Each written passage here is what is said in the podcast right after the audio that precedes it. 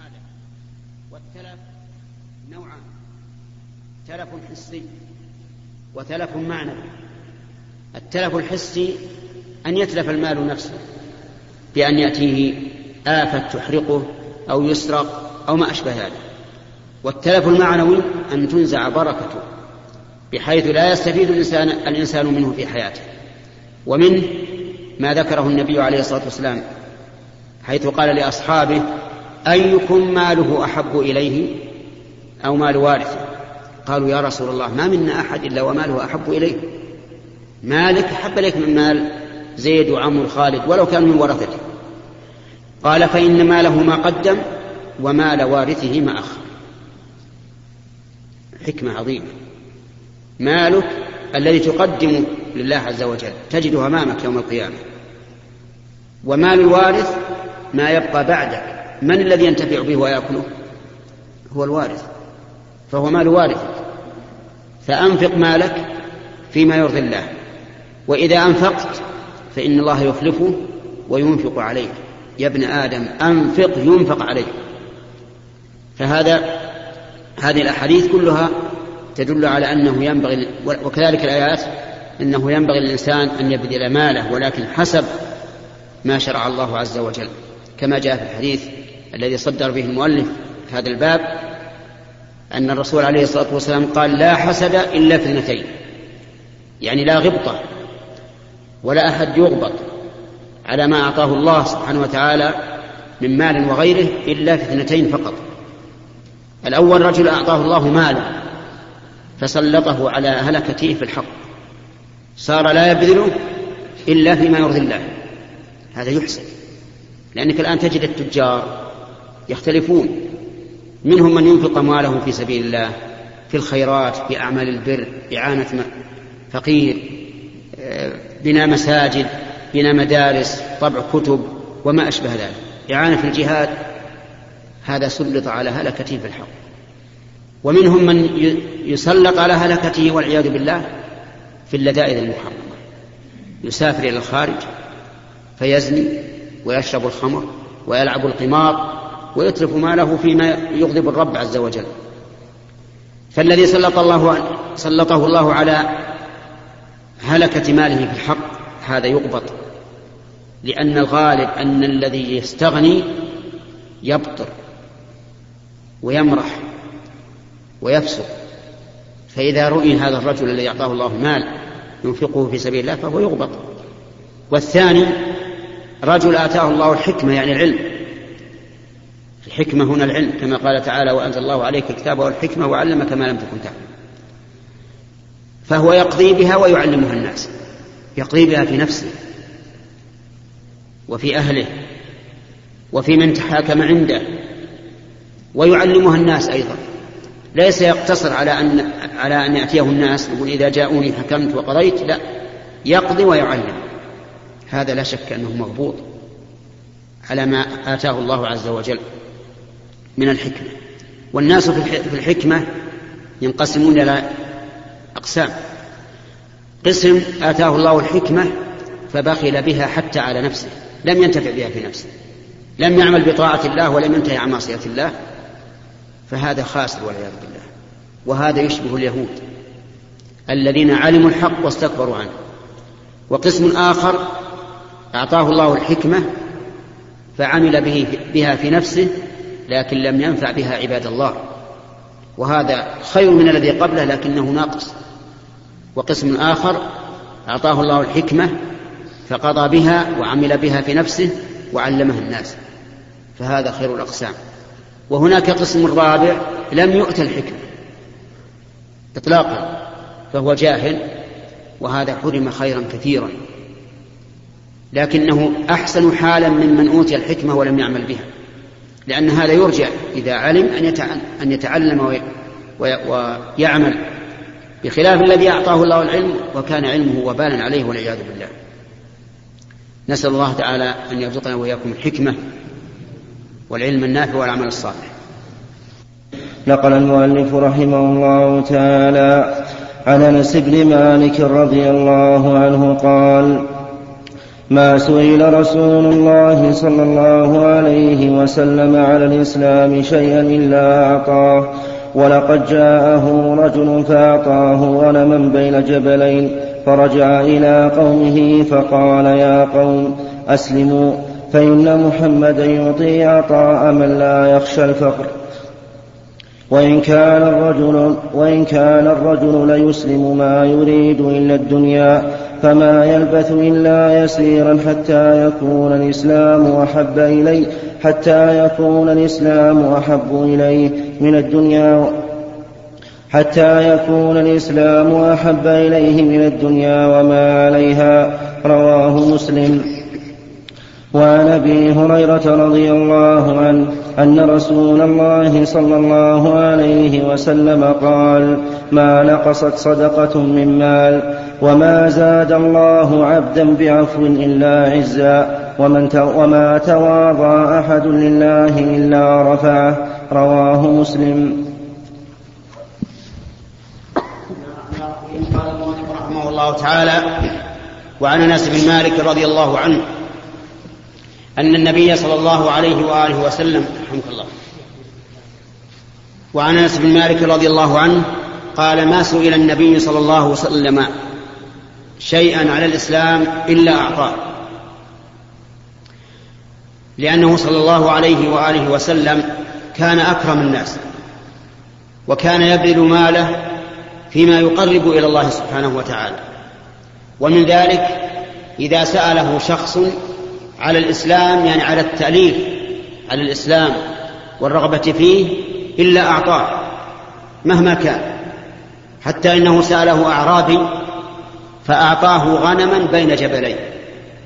بين جبلين معناها أنها غنم كثيرة لكن الرسول عليه الصلاة والسلام أعطاه لما يرجو من الخير لهذا الرجل ولمن وراءه. ولذلك ذهب هذا الرجل إلى قومه فقال يا قوم أسلموا أسلموا فإن محمدا يعطي عطاء من لا يخشى الفقر. عليه الصلاة والسلام. يعني يعطي عطاء جزيلا. عطاء من لا يخشى الفقر. فانظر إلى هذا العطاء.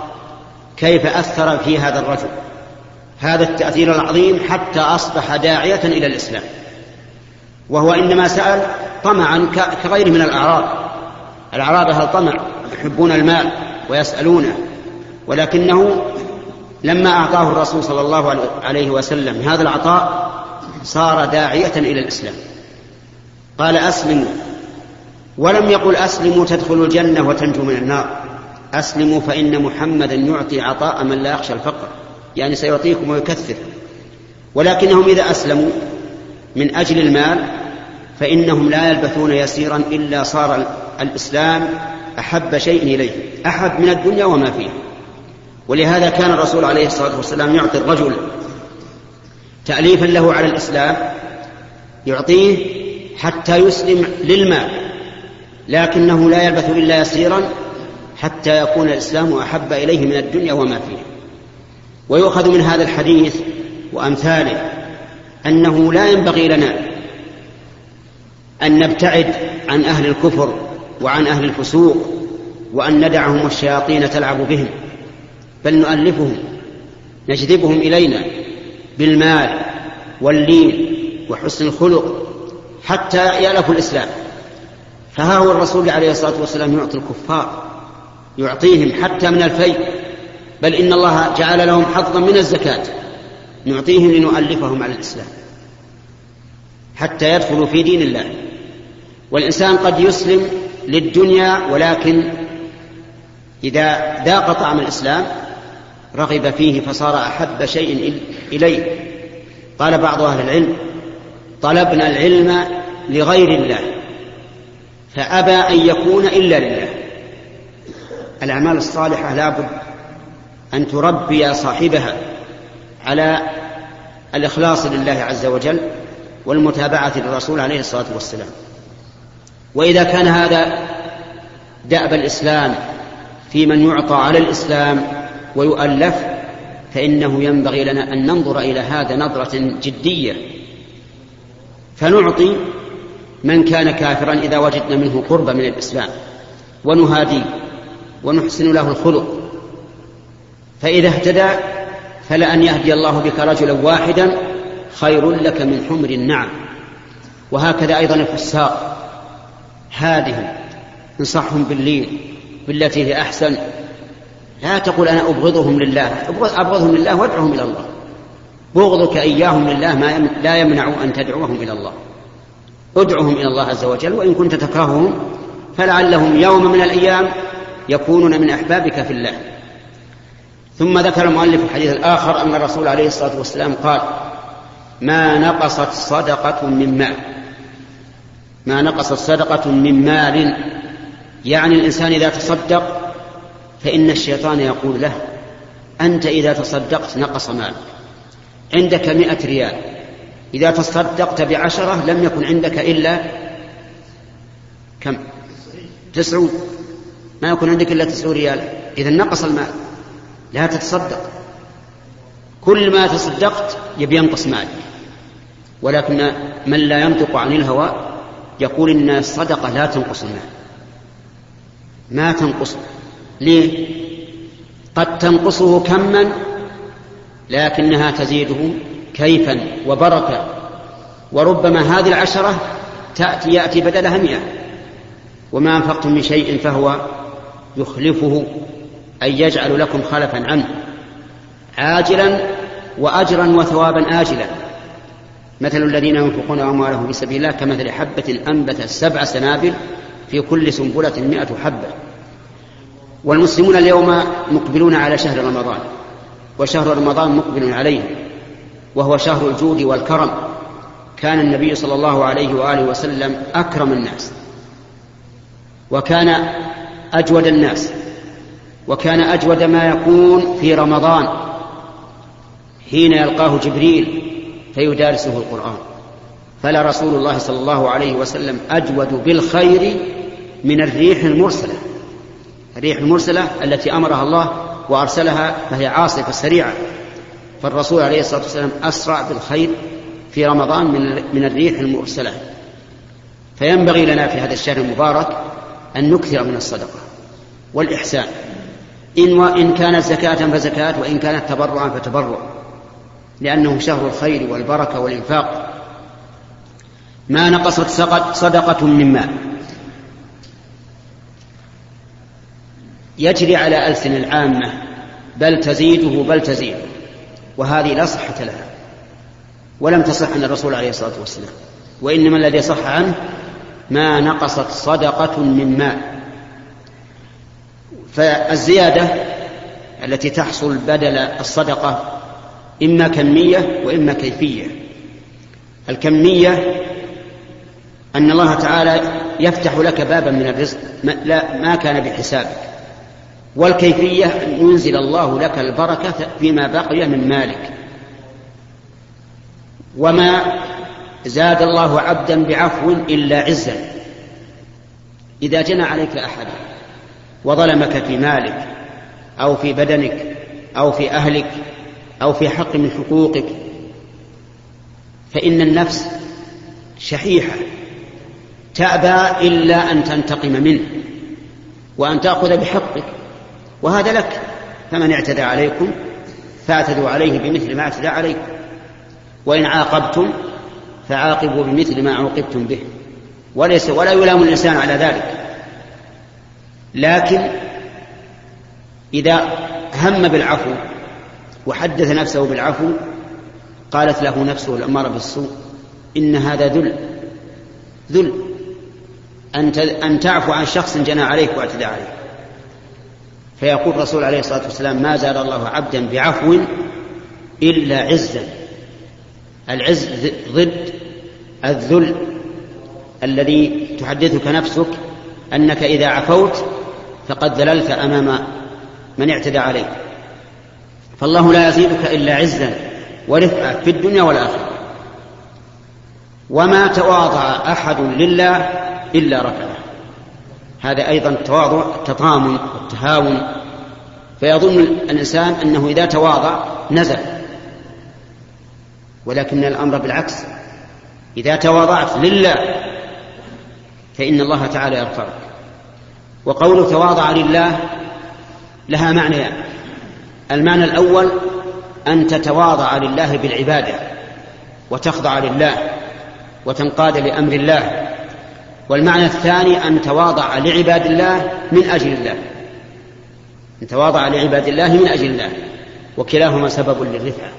سواء تواضعت لله من بامتثال أمره واجتناب نهيه وذللت له وعبدته أو تواضعت لعباد الله من أجل الله. لا خوفا منهم ولا مداراة لهم ولا طلبا لمال أو غيره إنما تتواضع من أجل الله عز وجل. فإن الله تعالى يرفعك. متى؟ في الدنيا أو في الآخرة. بل فيهما جميعا. يرفعك الله عز وجل. فهذه الأحاديث كلها تدل على فضل الصدقة والتبرع والإحسان إلى الغير وأن ذلك من خلق النبي صلى الله عليه وآله وسلم. قال رحمه الله تعالى باب النهي عن البخل والشح. قال الله تعالى وأما من بخل واستغنى وكذب بالحسنى فسنيسره للعسرى وما يغني عنه ماله إذا تردى. وقال تعالى ومن يوق شح نفسه فأولئك هم المفلحون. وأما الأحاديث فعن جابر رضي الله عنه أن رسول الله صلى الله عليه وسلم قال اتقوا الظلم فإن الظلم, فإن الظلم ظلمات يوم القيامة واتقوا الشح فإن الشح أهلك من كان قبلكم. حملهم على أن سفكوا دماءهم واستحلوا محارمهم. رواه مسلم. باب النهي عن البخل والشح. البخل منع ما يجب وما ينبغي بذله والشح الطمع فيما ليس عنده.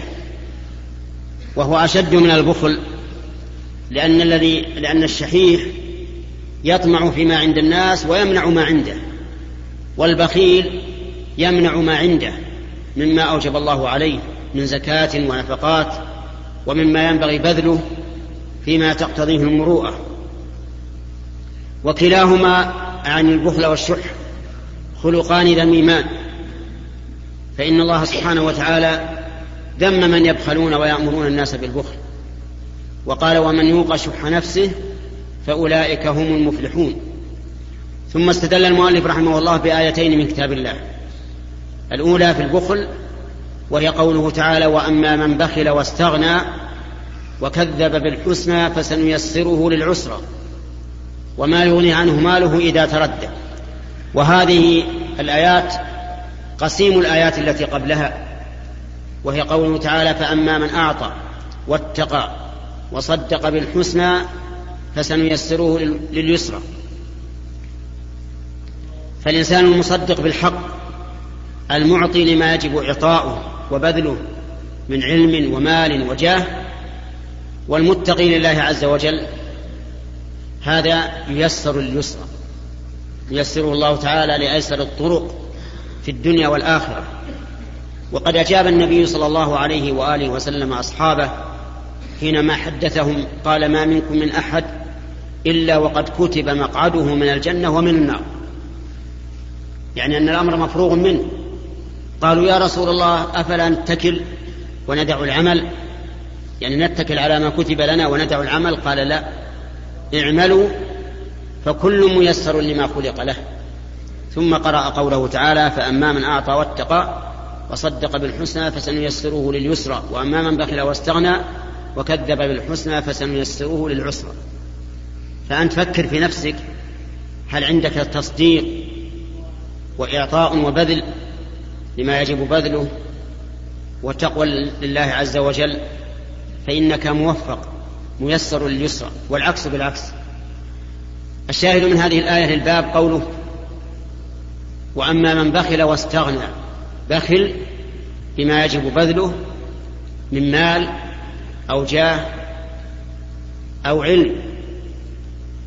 ومن ذلك ما جاء في الحديث عن النبي صلى الله عليه وآله وسلم أنه قال البخيل من إذا ذكرت عنده لم يصلي علي عليه الصلاة والسلام. وهذا بخل بما يجب على الإنسان إذا سمع ذكر نبيه عليه الصلاة والسلام الذي هداه الله على يديه أن يبخل فلا يصلي عليه عليه الصلاة والسلام. وقوله واستغنى أي استغنى بنفسه وزعم أنه مستغن عن رحمة الله والعياذ بالله فلا يعمل ولا يستقيم على أمر الله. وكذب بالحسنى أي كذب بالكلمة الحسنى وهي قول الحق وهي ما جاء في كتاب الله وسنة رسوله صلى الله عليه وآله وسلم فسنيسره للعسرى. تعسر عليه الأمور التي تسهل على المتقي فلا تسهل عليه الطاعات. يجد الطاعات ثقيلة الصلاة ثقيلة والصدقة ثقيلة والصيام ثقيل والحج ثقيل. كل شيء متأثر عنده. وما يغني عنه ماله إذا تردى يعني أي شيء يغني عنه ماله إذا هلك. والجواب أنه لا يغني شيئا. فهذا المال الذي بخل به لا يحميه من من عذاب الله وعقابه ولا يغني عنه شيئا. وأما الآية الثانية التي استدل بها المؤلف فهي في الشح وهي قوله تعالى ومن يوق شح نفسه فأولئك هم المفلحون. يعني من يقيه الله رحمك الله. من يقيه الله شح نفسه فلا يطمع فيما ليس له فهذا هو المفلح. نقل المؤلف رحمه الله تعالى عن جابر رضي الله عنه أن رسول الله صلى الله عليه وسلم قال اتقوا الظلم فإن الظلم ظلمات يوم القيامة واتقوا الشح فإن الشح أهلك من كان قبلكم حملهم على ان سفكوا دماءهم واستحلوا محارمهم. رواه مسلم. النووي رحمه الله في كتاب رياض الصالحين في باب النهي عن البخل والشح. قال عن جابر رضي الله عنه أن النبي صلى الله عليه وسلم قال اتقوا الظلم فإن الظلم ظلمات يوم القيامة. اتقوا بمعنى احذروه. واتخذوا وقاية منه وابتعدوا عنه والظلم هو العدوان على الغير. الظلم هو العدوان على الغير. وأعظم الظلم وأشده الشرك بالله عز وجل. قال الله تعالى إن الشرك لظلم عظيم. ويشمل الظلم ظلم العباد وهو نوعان. ظلم بترك الواجب لهم وظلم بالعدوان عليهم بأخذ أو بانتهاك حرماتهم. فمثال الأول ما ما ذكره النبي عليه الصلاة والسلام في قوله مطل الغني ظلم يعني ممانعة الإنسان الذي عليه دين عن الوفاء وهو غني قادر على الوفاء ظلم. وهذا منع ما يجب لأن الواجب على الإنسان أن يبادر بالوفاء إذا كان له قدرة ولا يحل له أن يؤخر فإن أخر الوفاء وهو قادر عليه كان ظالما والعياذ بالله. والظلم ظلمات يوم القيامة وكل ساعة أو لحظة تمضي على المماطل فإنه لا يزداد بها إلا إثما والعياذ بالله. وربما يعسر الله عليه أمره. فلا يستطيع الوفاء إما بخلا وإما إعداما. لأن الله تعالى يقول ومن يتق الله يجعل له من أمره يسرا. فمفهوم الآية أن من لا يتق الله لا يجعل له من أمره يسرا. ولذلك يجب على الإنسان القادر أن يبادر بالوفاء. إذا طلبه صاحبه أو أجله وانتهى الأجل ومن الظلم أيضا اقتطاع شيء من الأرض. قال النبي عليه الصلاة والسلام من اقتطع شبرا من الأرض ظلما طوقه يوم القيامة من سبع أراضين. ومن الظلم الاعتداء على الناس في أعراضهم بالغيبه أو النميمة أو ما أشبه ذلك. فإن الغيبة ذكرك أخاك بما يكره في غيبته. فإن كان في حضرته فهو سب وشتم. فإذا ظلم الناس بالغيبة بأن قال فلان طويل فلان قصير فلان سيء الخلق فلان في كذا فهذه غيبة. ظلم يحاسب عليها يوم القيامة نسأل الله العافية. وكذلك أيضا إذا جحد ما يجب عليه جحودا بأن كان لفلان عليه حق حق فيقول ليس له عليه حق. يكتم. فإن هذا ظلم. لأنه إذا كان المماطلة ظلما فهذا أظلم. فمن جحد شيئا واجبا عليه فإنه ظالم. وعلى كل حال اتقوا الظلم بجميع أنواعه. فإن الظلم ظلمات يوم القيامة. يكون على صاحبه والعياذ بالله ظلمات بحسب الظلم. الكبير ظلماته كبيرة والكثير ظلماته كثيرة وكل شيء بحسبه ونضع الموازين القسط ليوم القيامة فلا تظلم نفس شيئا وإن كان مثقال حبة من خردل أتينا بها وكفى بنا حاسبين وفي هذا دليل على أن الظلم من كبائر الذنوب لأنه لا وعيد إلا على كبيرة من كبائر الذنوب. فظلم العباد وظلم الخالق عز وجل رب, رب العباد كله من كبائر الذنوب.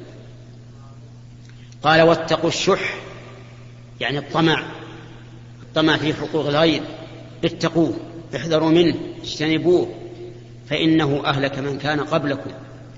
يعني من الأمم أهلكهم حملهم على أن استباحوا دماءهم وأعراضهم والعياذ بالله فكانوا بذلك هلكا. قال رحمه الله تعالى باب الإيثار والمواساة. قال الله تعالى ويؤثرون على أنفسهم ولو كان بهم خصاصة. وقال تعالى ويطعمون الطعام على حبه مسكينا ويتيما وأسيرا. إلى آخر الآيات. باب الإيثار والمساواة. ذكر المؤلف هذا الباب عقب باب النهي عن البخل والشح. لأنهما متضادان. فالإيثار أن يقدم الإنسان غيره على نفسه والمواساة أن يواسي غيره بنفسه. والإيثار أفضل ولكن ليعلم أن الإيثار ينقسم إلى ثلاثة أقسام. القسم الأول ممنوع والثاني مكروه أو مباح. والثالث مباح. أما الممنوع فأن تؤثر غيرك بما يجب عليك شرعا. فإنه لا يجوز أن تقدم غيرك فيما يجب عليك شرعا.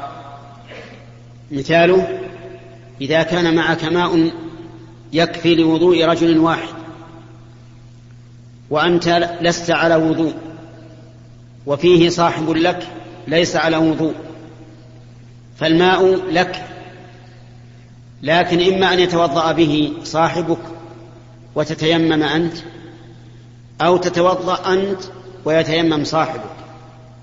ففي هذه الحال لا يجوز أن تعطيه الماء وتتيمم أنت لأنك واجد للماء والماء في ملكك ولا يجوز العدول عن الماء إلى التيمم إلا لعادمه.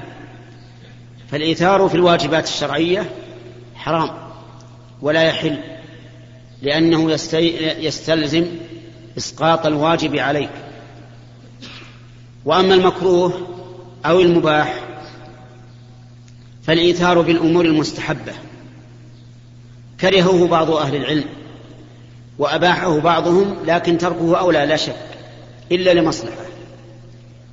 مثاله أن توثر غيرك في الصف الأول الذي أنت فيه. مثل أن تكون أنت الآن في الصف الأول في الصلاة فيدخل الإنسان فتقوم عن مكانك وتؤثره, وتؤثره به. فقد كره أهل العلم هذا. وقالوا إن هذا دليل على على أن الإنسان يرغب عن الخير والرغبة عن الخير مكروهة. كيف تقدم غيرك إلى إلى مكان فاضل أنت أحق به منه؟ وقال بعض العلماء تركه أولى إلا إذا كان فيه مصلحة كما لو كان أبوك وتخشى أن يقع في قلبه شيء عليك فتؤثره بمكانك الفاضل فهذا لا بأس به. القسم الثالث المباح وهذا المباح قد يكون مستحبا و وذلك أن توثر غيرك في أمر غير تعبدي. توثر غيرك تقدمه على نفسك في أمر غير غير تعبدي. مثل أن يكون معك طعام وأنت جائع وصاحب لك جائع مثلك. ففي هذه الحال إذا آثرته فإنك محمود على هذا الإيثار. لقول الله تبارك وتعالى في وصف الأنصار والذين تبوأوا الدار والإيمان من قبلهم يحبون من هاجر إليهم ولا يجدون في صدورهم حاجة مما أوتوا ويؤثرون على أنفسهم ولو كان بهم خصاصة. ووجه إيثارهم على أنفسهم أن المهاجرين لما قدموا المدينة تلقاهم الأنصار بالإكرام والاحترام والإيثار بالمال حتى إن بعضهم يقول لأخيه المهاجر يقول إن شئت أن أتنازل عن إحدى زوجتي لك فعلت من شدة إيثارهم رضي الله عنهم لإخوانهم المهاجرين. وقال تعالى ويطعمون الطعام على حبه مسكينا ويتيما وأسيرا. يعني يطعمون الطعام وهم يحبونه مسكينا ويتيما وأسيرا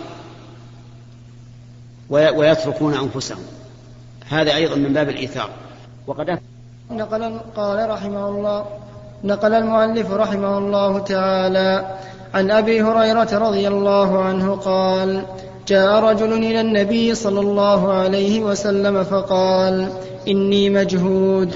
فأرسل إلى بعض نسائه فقالت والذي بعثك بالحق ما عندي إلا ماء. ثم أرسل إلى أخرى فقالت مثل ذلك. حتى قلن كلهن مثل ذلك.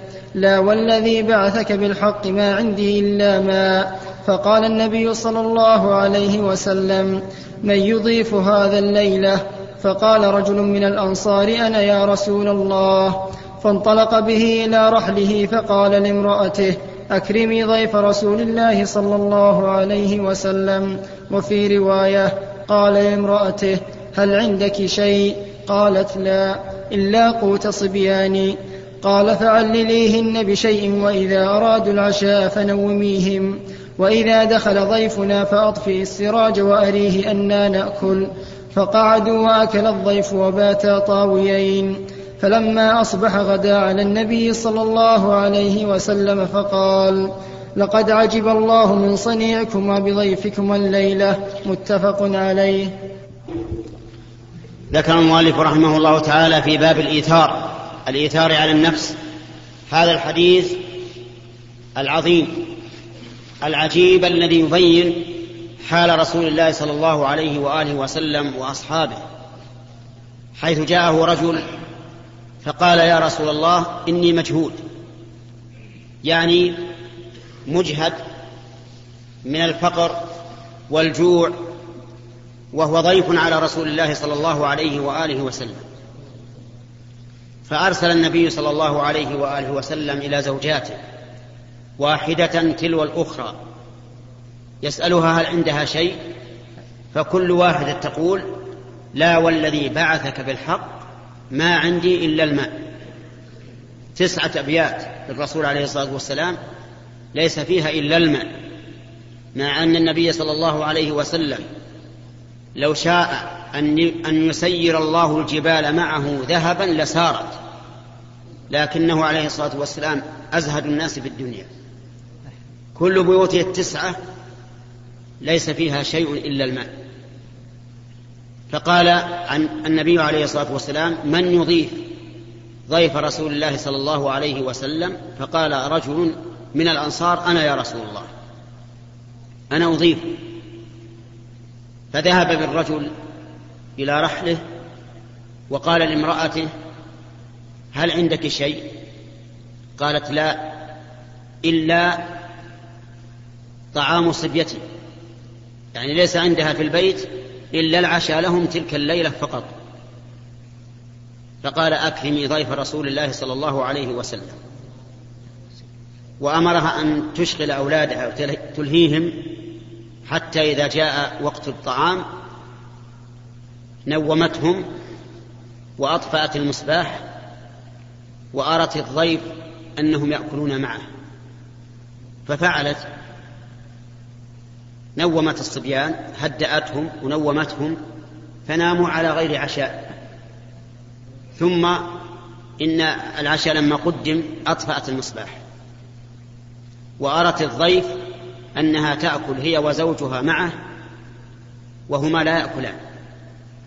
فشبع الضيف وباتا طاويين يعني غير متعشيين إكراما لضيف الرسول صلى الله عليه وآله وسلم.